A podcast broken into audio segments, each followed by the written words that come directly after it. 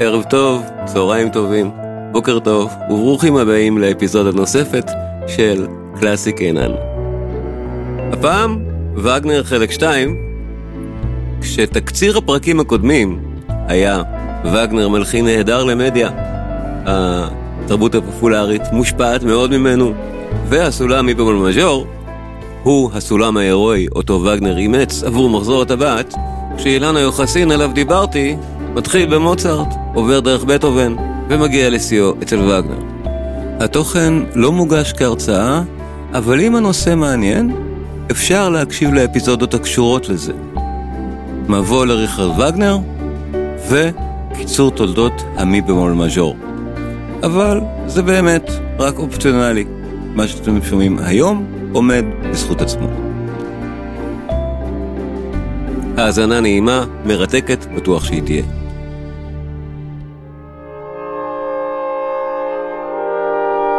ברקע, המוזיקה שמלווה את חילוקי הסצנות 2 ו-3 של ריינגולד, של הפרולוג של מחזור הטבעת. המוזיקה מנוגנת ברצף בין הסצנות, אבל צריך איכשהו להוריד את המסך ולהחליף תפאורות וכולי. על כן זו מוזיקת מעבר, אבל המוזיקה לכל אורכה של ריינגולד היא רצופה ללא הפסקות בכלל. המוזיקה שאנחנו שומעים מורכבת מלייט מוטיבים שמתארים דברים ספציפיים או אירועים שמתרחשים ואנחנו לא יכולים לראות אותם. אבל בשלב הזה זה פחות רלוונטי, בואו פשוט נתרשם מכוחה של המוזיקה עצמה.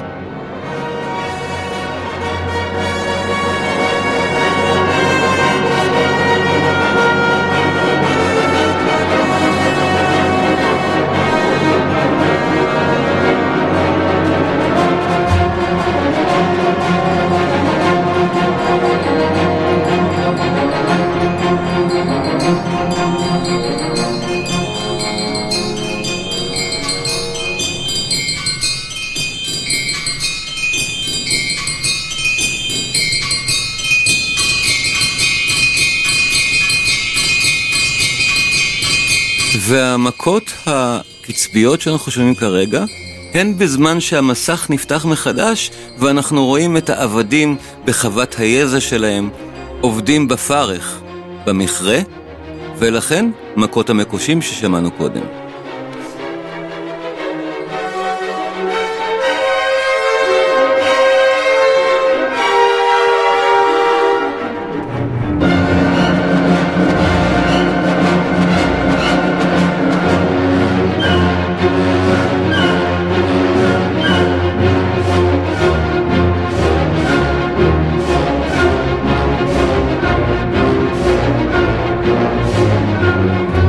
הדרך למחזור הטבעת, ללייט מוטיבים ולמיבה במול מז'ור מתחילה כאמור אצל מוצרט, באפיזודה הקודמת דיברנו קצת על חיילי הקסם.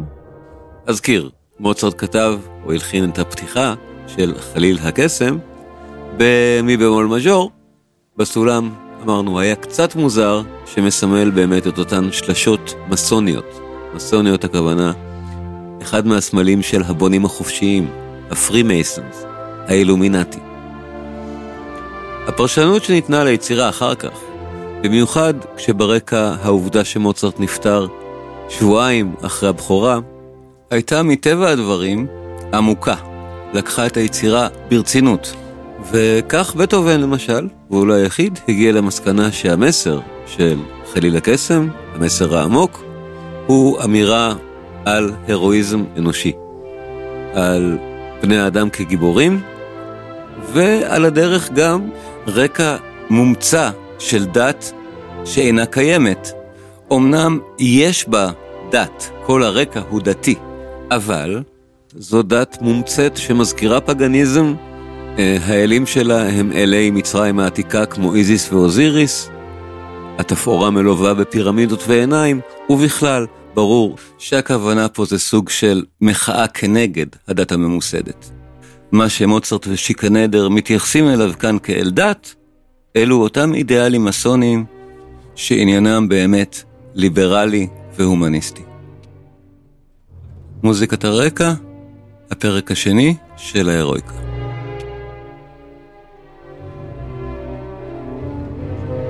בטהובן אדם חילוני, ומסרים מהסוג הזה בהחלט מתאימים לו. כשהוא מבין שהוא עתיד להתחרש בקרוב, הוא כותב צוואה.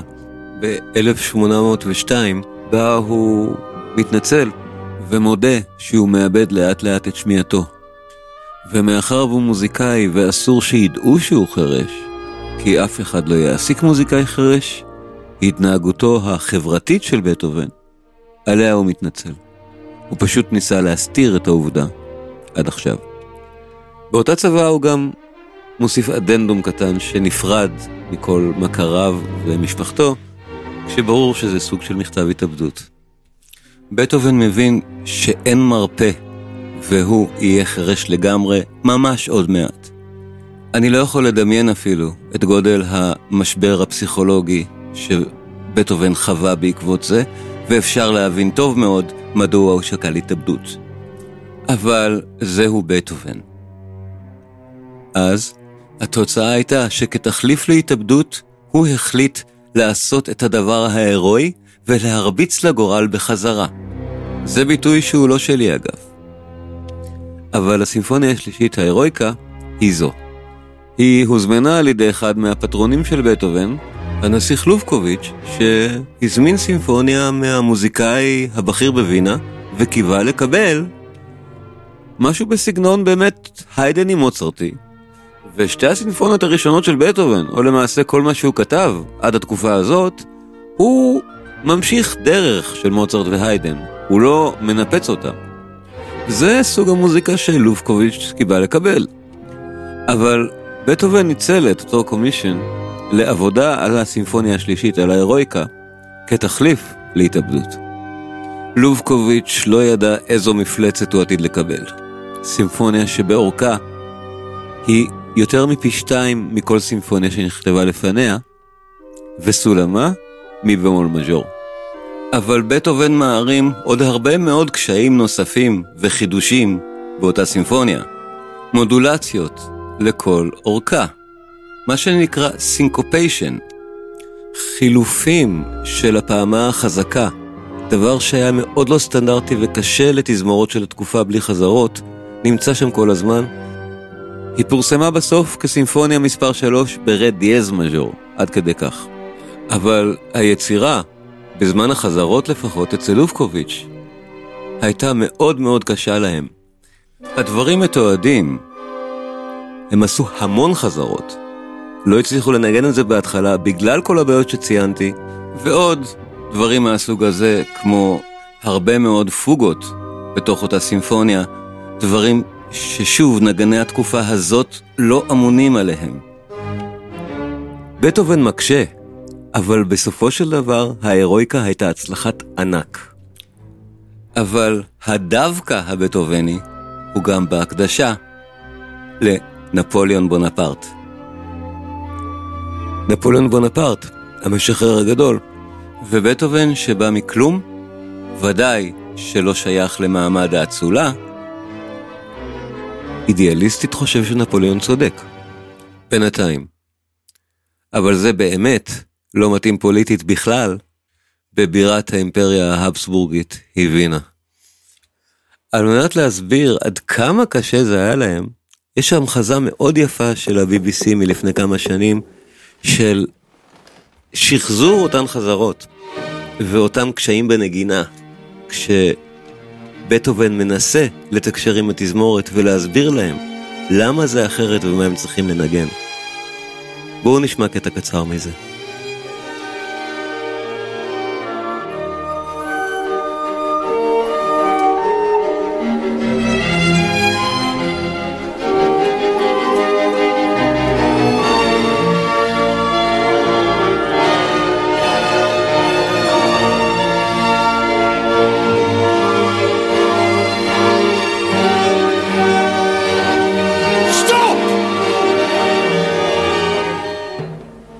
Thought you lot were supposed to be good. It's off the beat, sir. And there's so many markings we can hardly read them. Gentlemen, gentlemen, it is our first attempt. Patience, please. Even to my ears, it does sound rather fiendish. Rather difficult to play, don't you think? Violent. Needlessly violent. I've marked it exactly as I want it played. The marking here, you, you see, Sforzando. Sforzando. A sharp attack to each note, Your Highness. I'm really hammering it. How modern. Look, my friend, you're trained to make a beautiful sound. But I don't want a beautiful sound. Elsewhere, yes, but not here. This is a summons, an imperative. Play me the first two chords.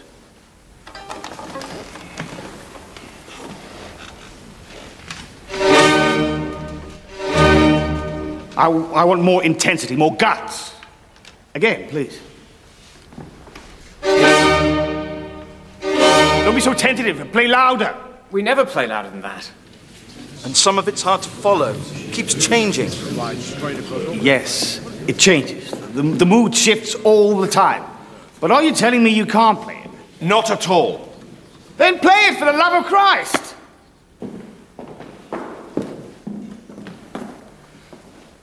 Could we play it a little slower, sir? No. Not slow, urgent.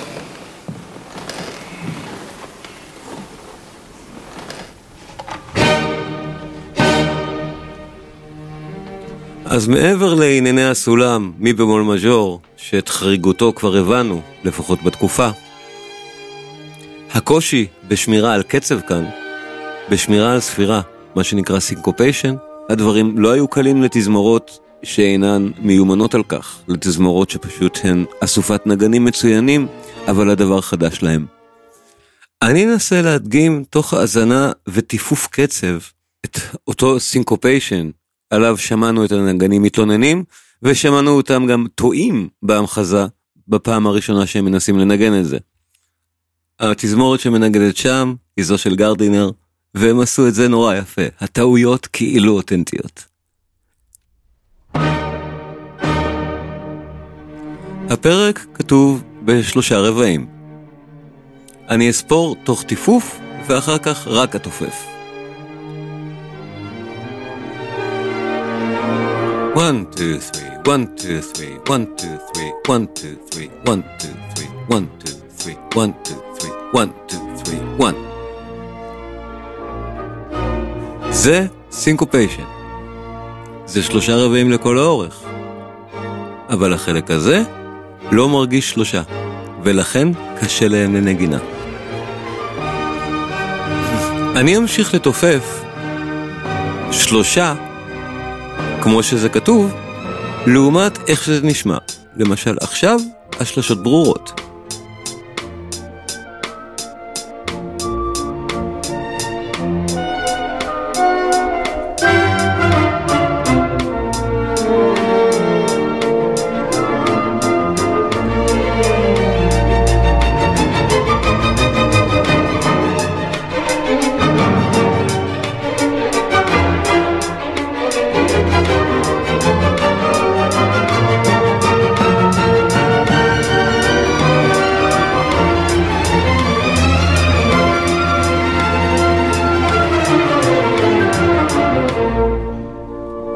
אינני יודע עד כמה הקטע של עכשיו היה נשמע לכם מורכב או לא. אבל בטהובן רק מחמם כלים כאן. מה שקורה תכף, הוא באמת יכול להיות קשה אפילו לתזמורת של ימינו, אם לא הייתה מכירה את היצירה. אין חיה כזאת. אבל אם הייתה, זה היה קשה להם לנגינה ללא חזרות, בלי ספק.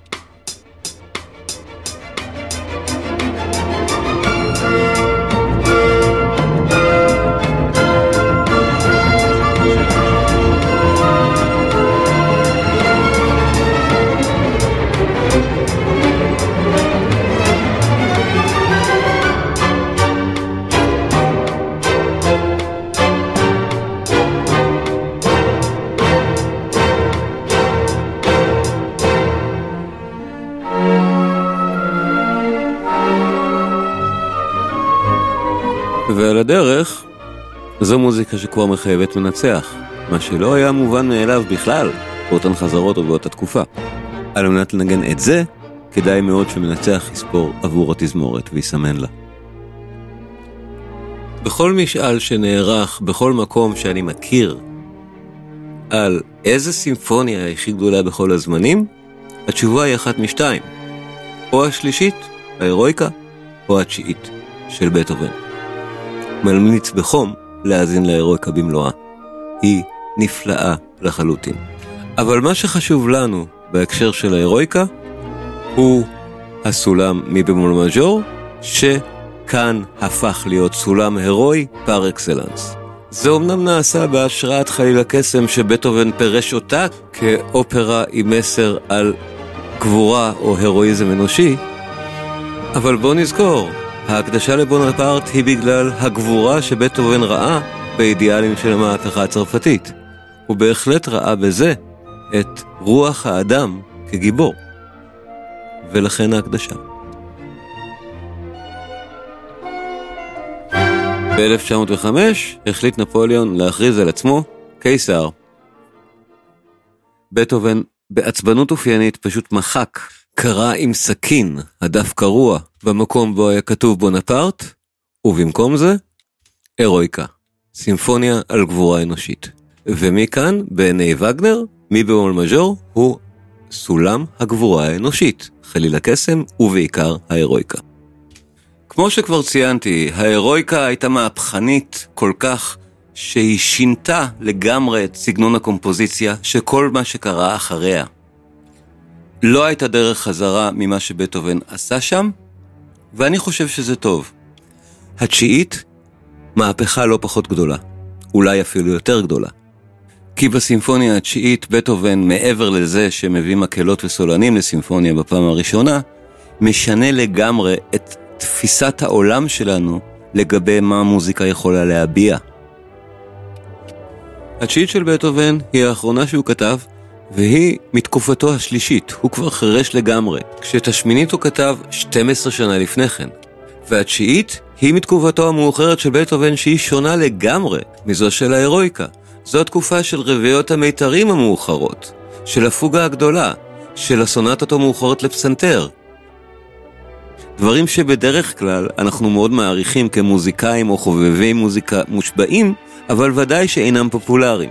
הסימפוניה התשיעית לעומת זאת זכתה להצלחה כבירה בבכורה שלה בווינה, ונותרה אחת מהיצירות הידועות והפופולריות ביותר עד היום, כולל הפיכתה להמנון האיחוד האירופי. אבל הסימפוניה איננה ג'ינגל. יש לה מסר, באמת מסר רציני, מסר הומניסטי. Ode to Joy של שילר, שזה מה שמושר בסופה על אותו לחן שאנחנו שומעים עכשיו ברקע. אבל להביא מקהלה לסימפוניה, וסולנים, ולתת להם להתייבש יותר משעה עד שהם מתחילים לשיר, זה כבר בטהובן באמת בשיא החוצפה. אבל כמו בהירואיקה, זה הצליח. התשיעית של בטהובן היא בכל זאת התשיעית של בטהובן. הדברים שמישהו כמו וגנר הצעיר מתרשם מהם מאוד כאן, בלי ספק, זה האימפליקציות הדרמטיות המובעות בתשיעית. כי יש כאלה, זאת איננה יצירה דרמטית, אבל נופל לווגנר אותו האסימון שאומר, יש כאן עבודה מוטיבית מוזיקלית בלבד, שמטרתה להעביר מסר באמצעות מוזיקה. ולכן, הקונספט העוברי של רעיון הלייט מוטיב, אותו וגנר פיתח, נולד למעשה בתשיעית של בטהובן.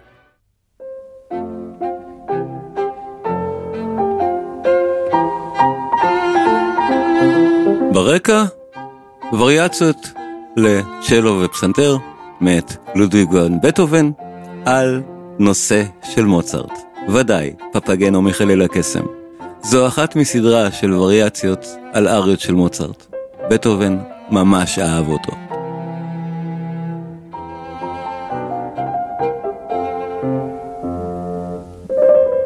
ראשית חשוב לציין, התשיעית של בטהובן קשורה גם היא לחליל הקסם של מוצרט, אמנם לא בסולמה, התשיעית היא ברה מינור, אבל הפרק האחרון של התשיעית, הפינאלה, יותר מ-30 דקות עם מקהלות וסולנים, מהווה למעשה סוג של הרחבה טלסקופית של ה number האחרון בחליל הקסם.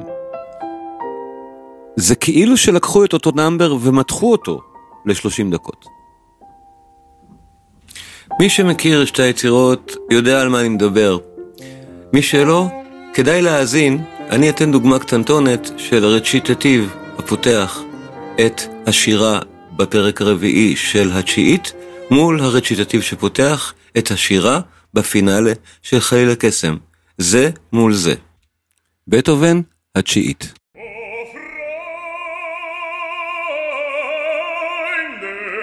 nicht diese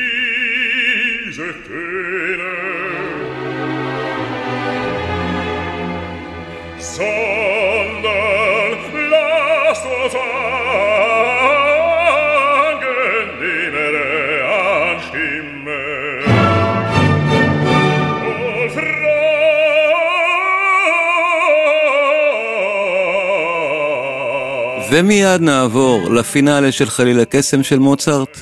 זה קורה עכשיו.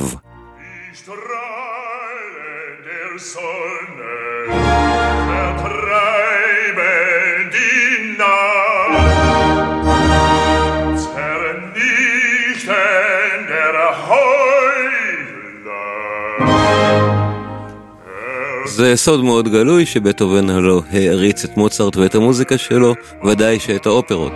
קודם שמענו דוגמה נורא נחמדה לטרנסקריפציה לצ'לו ופסנתר של אריה מתוך חליל הקסם, ויש עוד כמה וכמה כאלו. אז ודאי, זה דומה, מתייחס ומושפע, אבל זה לא אותו דבר. הסימפוניה התשיעית היא סימפוניה, היא לא אופרה. ודרכיה הבאה בה ומשמעותה שונות לגמרי. בגיל 15 צפה וגנר הצעיר בקונצרט של התשיעית של בטהובן. הוא מספר שזה מה שגרם לו להתחיל ללמוד מוזיקה. וגנר היה אגב אוטודידקט בכמעט כל המובנים. הוא שמע את התשיעית, ובעקבות זה החליט ללמוד מוזיקה. ההשפעה, האימפקט, היה כל כך חזק על וגנר,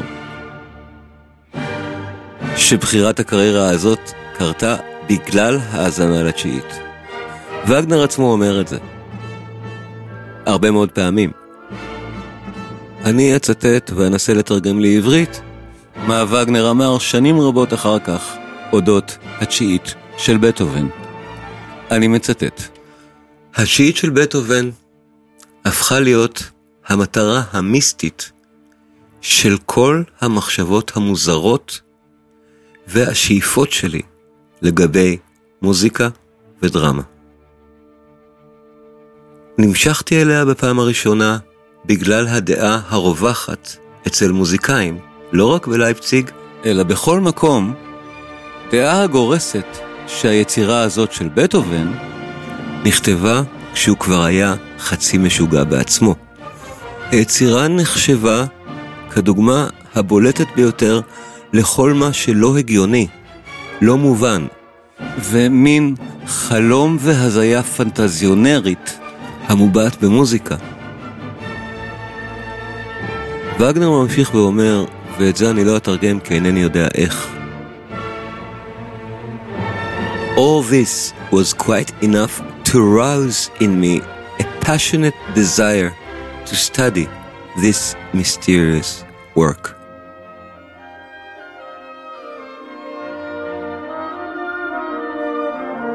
מה שווגנר ראה באותה סימפוניה ופיתח לכלל אומנות על היא אומנות הלייטמוטיב. בתשיעית של בטהובן, בטהובן משתמש בכמה מוטיבים, אמנם מעטים, אבל כוונתם המוצהרת היא להביע מסר באמצעים מוזיקליים בלבד. אותם המוטיבים כבר מעבירים את המסר שלהם עוד לפני שהשירה מתחילה, ומסבירה את משמעותם. למישהו עם רגישות דרמטית כמו של וגנר, בזמן שמיעת היצירה עצמה הוא מבין שיש כאן מסר שמובע בין מוטיבים מוזיקליים בלבד. על ידי משחק ומניפולציה של מוטיבים, אנחנו יכולים להעביר מסר דרמטי. התשיעית של בטהובן מבחינת וגנר היא הולדת הרעיון העוברי של עבודת הלייט מוטיבים המפורסמת שלו, שהוא שכלל באמת לדרגות אומנות גבוהה כל כך, שסרטי קולנוע וטלוויזיה של היום משתמשים בטכניקה הזאת. וכל זה נולד בתשיעית של בטהובן.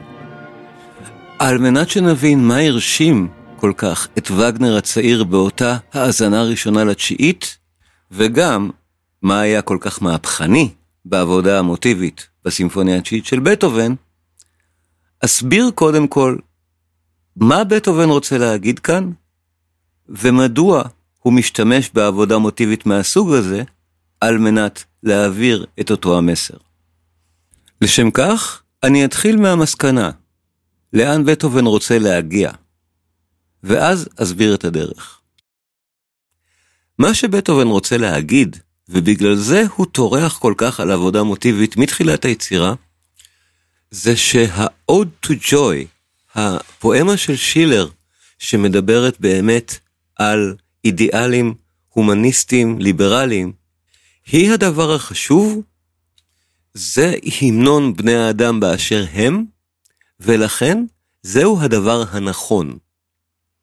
זאת אומרת, כל השאר איננו נכון. אז אני באמת אתחיל מהסוף, מהמשפט שאומר הסולן בפעם הראשונה שהוא נכנס, כמעט חמש דקות אחרי פתיחת התשיעית, ושר את הדבר הבא. Oh, friends, not these sounds.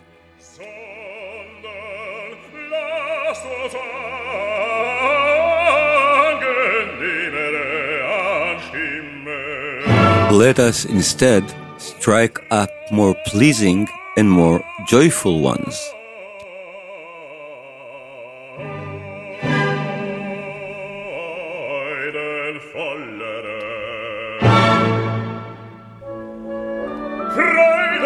Joy. Joy. עד כאן זה טקסט שבטהובן כתב. מעכשיו זאת ה-Ode to Joy של שילר, שהיא למעשה התשובה לבקשת הסולן לשמוע צלילים יפים. בטהובן מתחיל את זה בדיסוננט מאוד חריף, שאחריו הסולן מבקש, חברים, לא את הצלילים הרועשים האלו.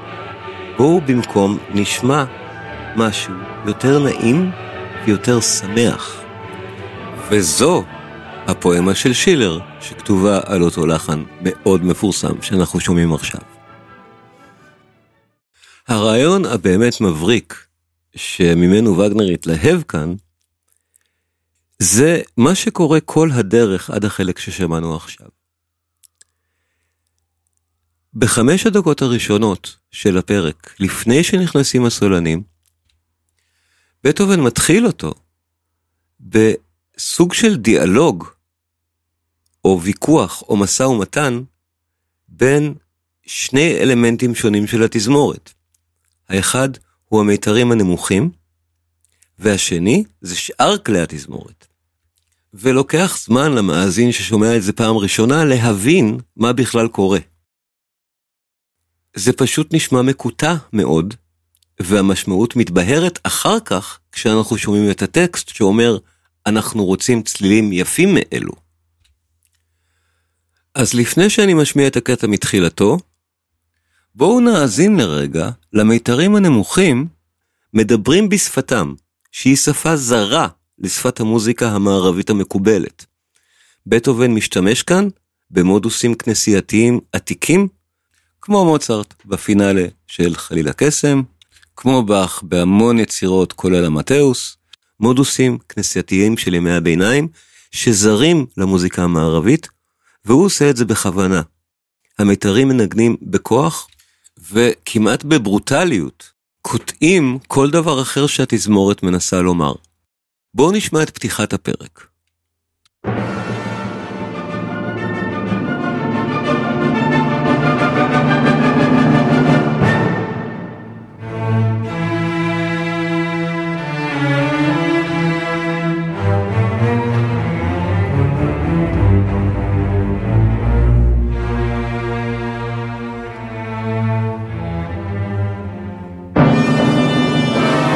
שמענו כאן את המיתרים הנמוכים מנגנים פשוט רציטטיב ללא מילים.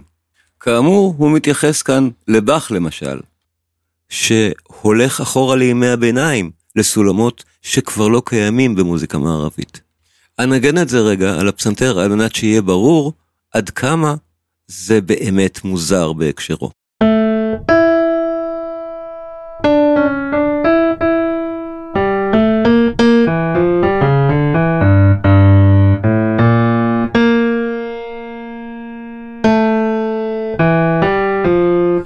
ומה שבאמת מעניין, וודאי שלא חמק מאוזניו של וגנר, זה שחמש דקות אחר כך, הסולן שר את הפרזה הזאת, או לפחות את חציה, בטקסט שמסביר את משמעותה.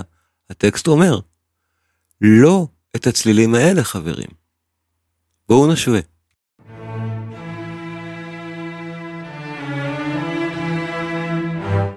וחמש דקות אחר כך,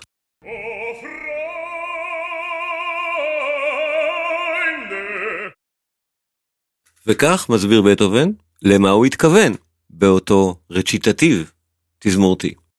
אבל ברור, זה כשלעצמו לא היה מדליק את וגנר, אם כל הקונסטרוקציה הזאת לא הייתה מורכבת בהרבה. המיתרים פותחים את זה, ואז מתחילים להתווכח עם שאר התזמורת, שמנגנת מוטיבים משאר פרקי היצירה. וזה חדש, זו עבודה מוטיבית. אמנם עדיין לא לייט מוטיב וגנריאני, אבל ודאי שהרעיון העוברי נולד כאן. פתיחת הפרק הראשון של הסימפוניה נשמעת כך.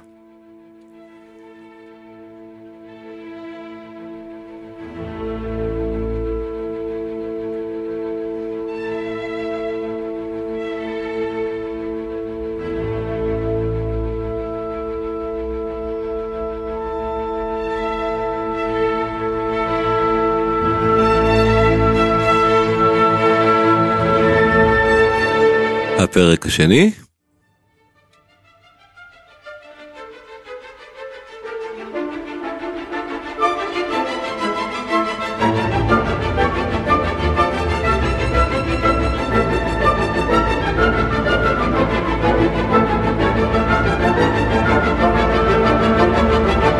הפרק השלישי.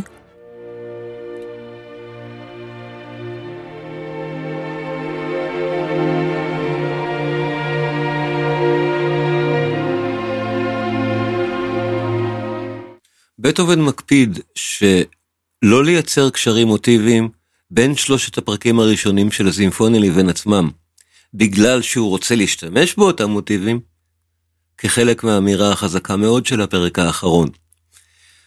אני אשמיע אותו ואסביר לפני זה מה אנחנו עתידים לשמוע. אותה פתיחה רועשת, אחריה המיתרים הנמוכים קוטעים אותה בצורה אכזרית. התזמורת מנסה לנגן חלק מהפרק הראשון, את המוטיב מהפרק הראשון. המיתרים המודליים, הרציטטיביים, קוטעים את זה באכזריות. שאר התזמורת מציעה את חלק מהפרק השני, וגם הוא נקטע באכזריות. אחר כך, חלק מהפרק השלישי, שגם נקטע באכזריות, ואז אנחנו ממש שומעים סוג של משא ומתן בין אותם מיתרים נמוכים שכל הזמן שוללים, לבין התזמורת, שמגלגלים בינם לבין עצמם רעיון מלודי, ששתי הסקציות התזמורתיות הכאילו מתווכחות, בסופו של דבר מסכימות עליו. בואו נשמע את הרגע הזה, בו הם סוף סוף מסכימים. אני אדגיש על הפסנתר את זרעי אותו רעיון מוזיקלי, ואיך הם מסכימים עליו בסוף.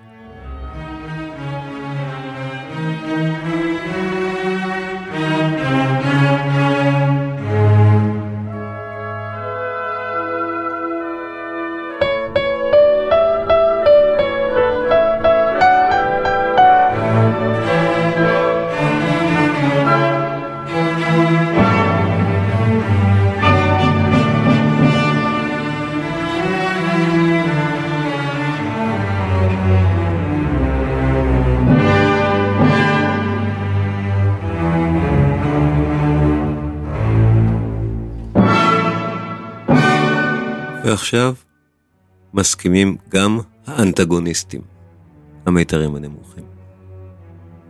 לפני שאני משמיע את חמש הדקות האלה במלואן של פתיחת הפרק הרביעי, אני אזכיר את שלושת המוטיבים משלושת הפרקים הראשונים, ואז אנא האזינו ושמעו את אותו משא ומתן, איך כל אחד מהנושאים האלה נקטע, עד שמגיעים בסוף להסכמה על נושא רביעי.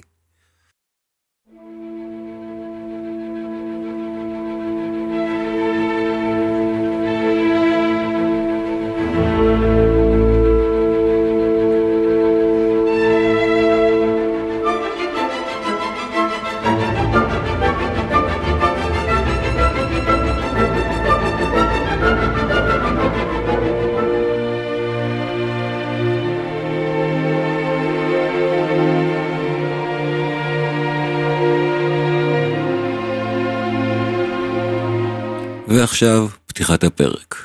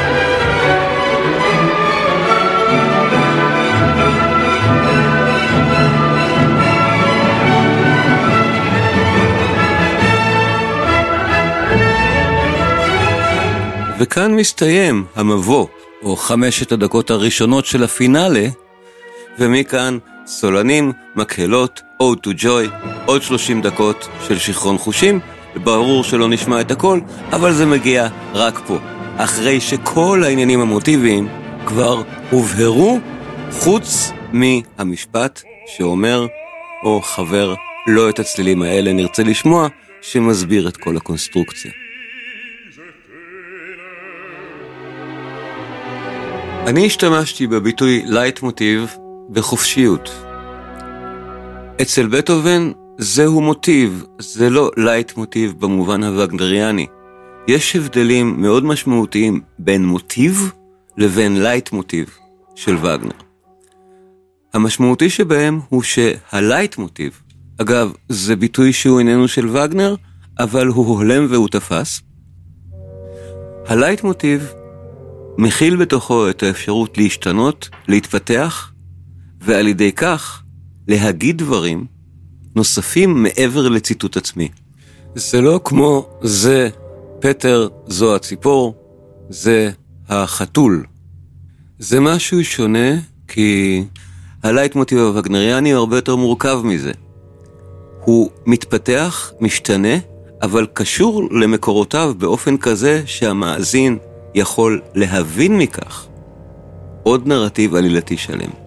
בנוסף, הלייט מוטיב הווגנריאני יכול להשתלב עם אחרים, וכך לומר עוד אספקט של דברים שקורים בו זמנית או שמשתלבים ביחד, או כל אימפליקציה שנובעת מהמשחקים המוטיביים האלה. ווגנר משכיל גם לנצל את אותה עבודה מוטיבית במוזיקה על מנת לתאר, בין השאר, את תת המודע של הנפשות הפועלות. זה כמובן פורץ דרך במובנים רבים, ודאי שבמבט לאחור. למשל, חיפוש בוויקיפדיה יעלה שווגנר הוא דמות חיונית בהתפתחות הפסיכואנליזה הפרוידיאנית, וזו הסיבה. הרעיון הראשוני אכן נולד בראשו של וגנר בהאזנה לתשיעית של בטהובן.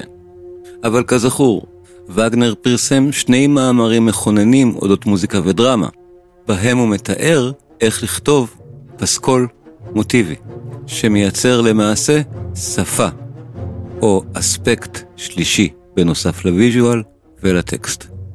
על מנת להוכיח שהוא צודק, הוא לקח על עצמו את הפרויקט העצום שהוא מחזור הטבעת. עבורו הקדיש וגנר 30 שנה מחייו. שתי הדרמות המוזיקליות הראשונות, הפרולוג, ריינגולד, והאפיזודה הראשונה, ולקירי, מולחנות אך ורק באמצעות לייט מוטיבים. אין שום תו בהן שאיננו קשור לאיזשהו מוטיב. שתי המערכות הראשונות של זיגפריד, ה sequel השלישי, נכתבו מיד אחרי הוולקירי, ואז וגנר הפסיק, כתב שתי דרמות מוזיקליות אחרות, וחזר להשלים את מחזור הטבעת. זאת אומרת, את המערכה האחרונה של זיגפריד, ואת ה sequel הרביעי הוא גוטה מה שאנחנו שומעים ברקע היא האוברטורה, הפתיחה של הדרמה המוזיקלית זיגפריד, שרובה ככולה מורכבת אך ורק מלייט מוטיבים, מוזיקה בעלת משמעות. המשמעות של המוזיקה הזאת כבר בוססה בשתי הדרמות המוזיקליות הקודמות, זה הרי הסיכול השלישי.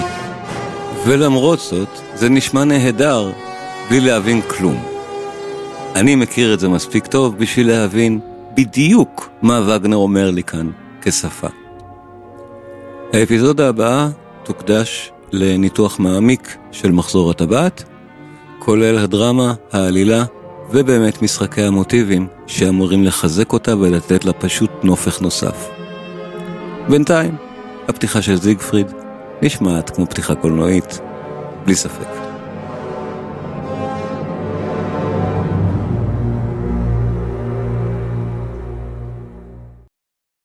לסיום, אציג שתי דוגמאות יפהפיות לדעתי של פיתוח מוטיבי ממחזור הטבעת. ואני מתייחס כאן למוזיקה ולא לעלילה הדרמטית.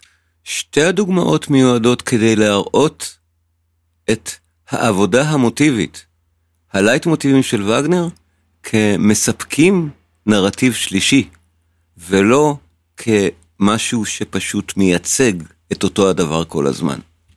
הדוגמה הראשונה היא מתוך חילוף הסצנות בין הראשונה לשנייה בפרולוג של מחזור הטבעת, הוא ריינגולד, בו מוצג מוטיב הטבעת. הטבעת, כמו אצל טולקין, היא רעה. הטבעת, מי שמחזיק בה, יכול לשלוט על העולם, ומשלם מחיר כבד על כך. לטבעת כמובן יש מוטיב. אגב, מוטיב הטבעת מתפתח מתוך דברים אחרים שקורים לפני, אבל בלי קשר. בואו נשמע לרגע את מוטיב הטבעת עצמו.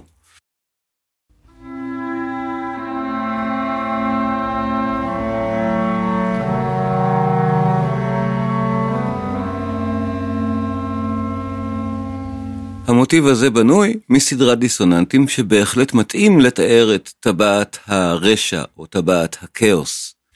ועכשיו בואו נאזין למוטיב שמייצג את טירת האלים השמימית היא ולהלה. ודאי שזהו מוטיב אצילי, מלכותי ובעל סמכות, ומולחן בהתאם. אני משמיע רק את תחילתו, עוד מעט נשמע את כולו. מוטיב ולהלה, פתיחה.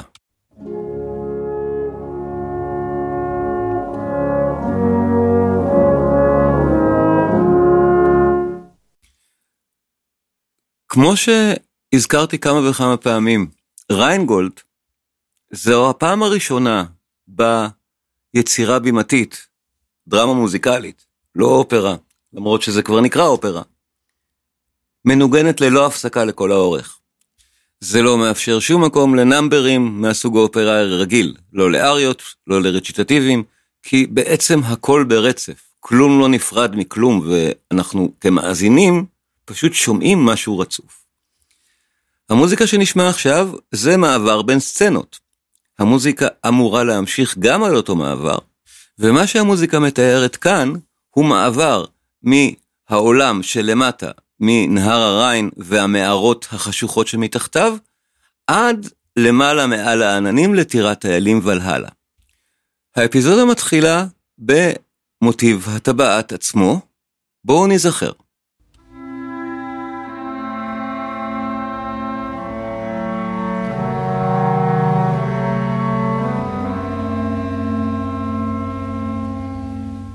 ועכשיו בואו נשמע את כל קטע המעבר מהטבעת של הניבלונגים מתחת לאדמה במערות האפלות ועד טירת השמיים ולהלה.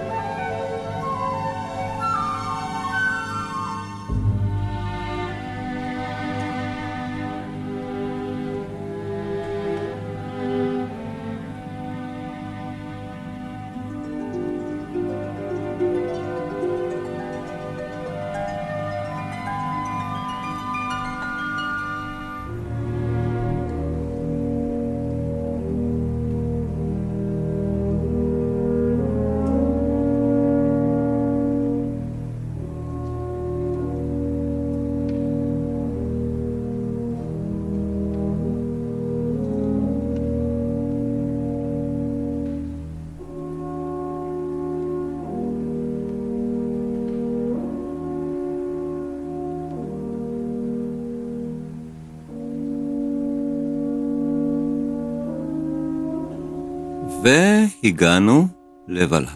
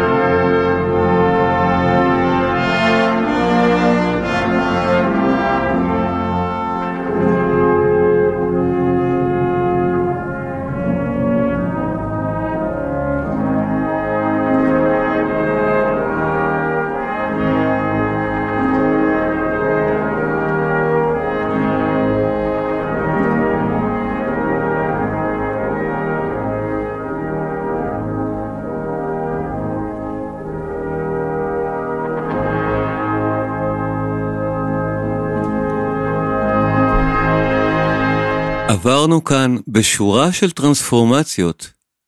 מי זה?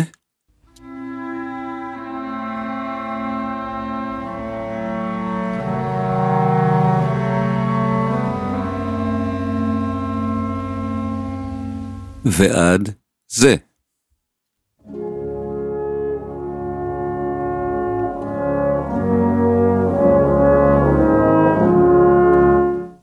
העבודה המוטיבית כאן מיועדת לומר באופן מאוד ברור שהכוח משחית. לא משנה אם זו הטבעת או זה סמל הכוח של האלים ובלהלה.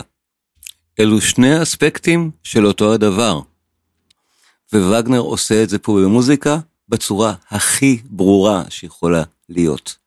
הכוח משחית, לכן מוטיב ולהלה הוא נגזרת ברורה של מוטיב הטבעת, והקטע ששמענו במלואו פשוט מראה את שורת הטרנספורמציות שהמוטיב עובר. וגנר רוצה שנבין את עניין שני האספקטים של אותו הדבר, של הכוח משחית.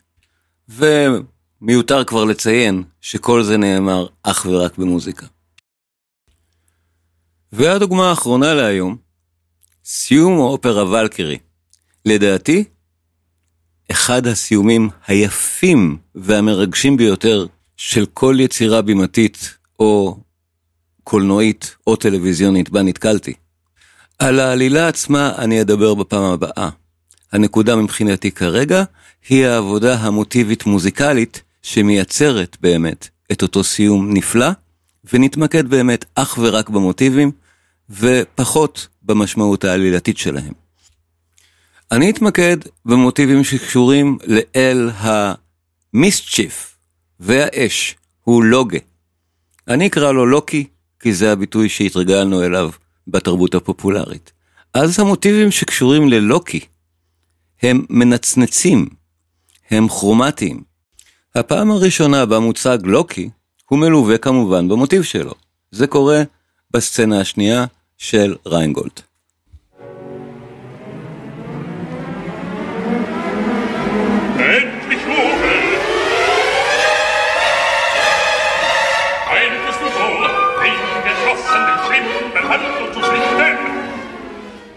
שימו לב, חלקו השני של המוטיב ששמענו עכשיו, הוא זה.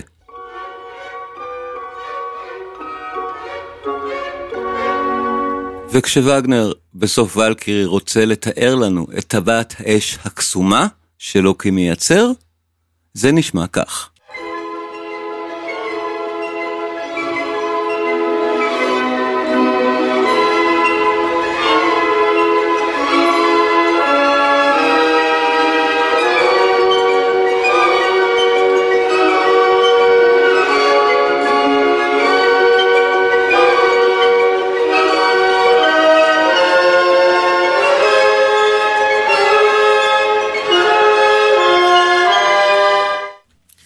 כללית, המוטיבים של לוקי אחראים להרבה מאוד מהסצנה שנשמע הסיום של ולקירי, כי יש עוד כמה דברים שם שקשורים לכישוף ולאש, כמו השינה המחושפת המאולצת של ברונהילדה עצמה וכולי.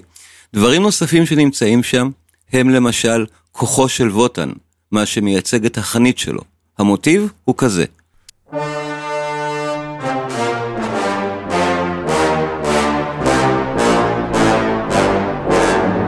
ובנוסף יש לנו גם את מוטיב זיגפריד, שעוד לא נולד, אבל וגנר אומר פה שוב, במוזיקה משהו שהגיבורים עדיין לא יודעים. זיגפריד עתיד להיות זה שיציל את ברונהילדה. המוטיב שלו נשמע כך.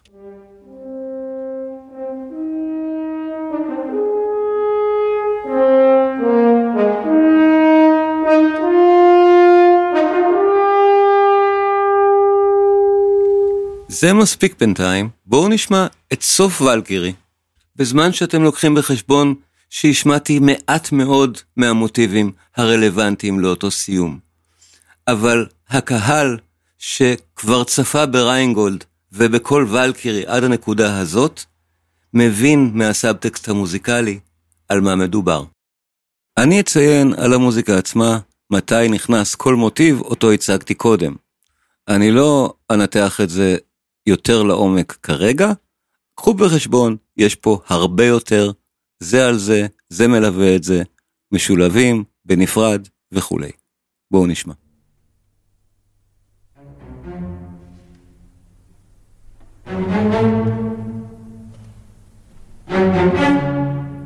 החנית של ווטן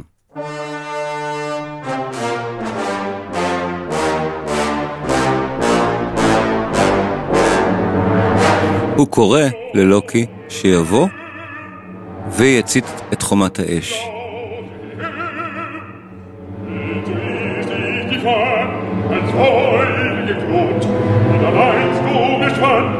Als heurige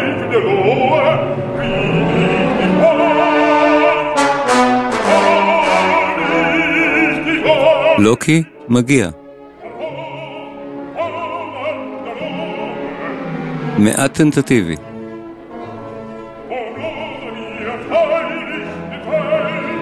אבל הוא מתקרב.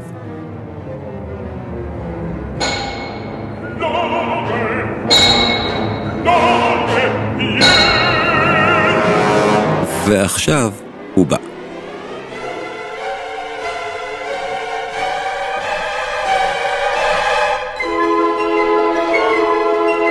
האש הקסומה.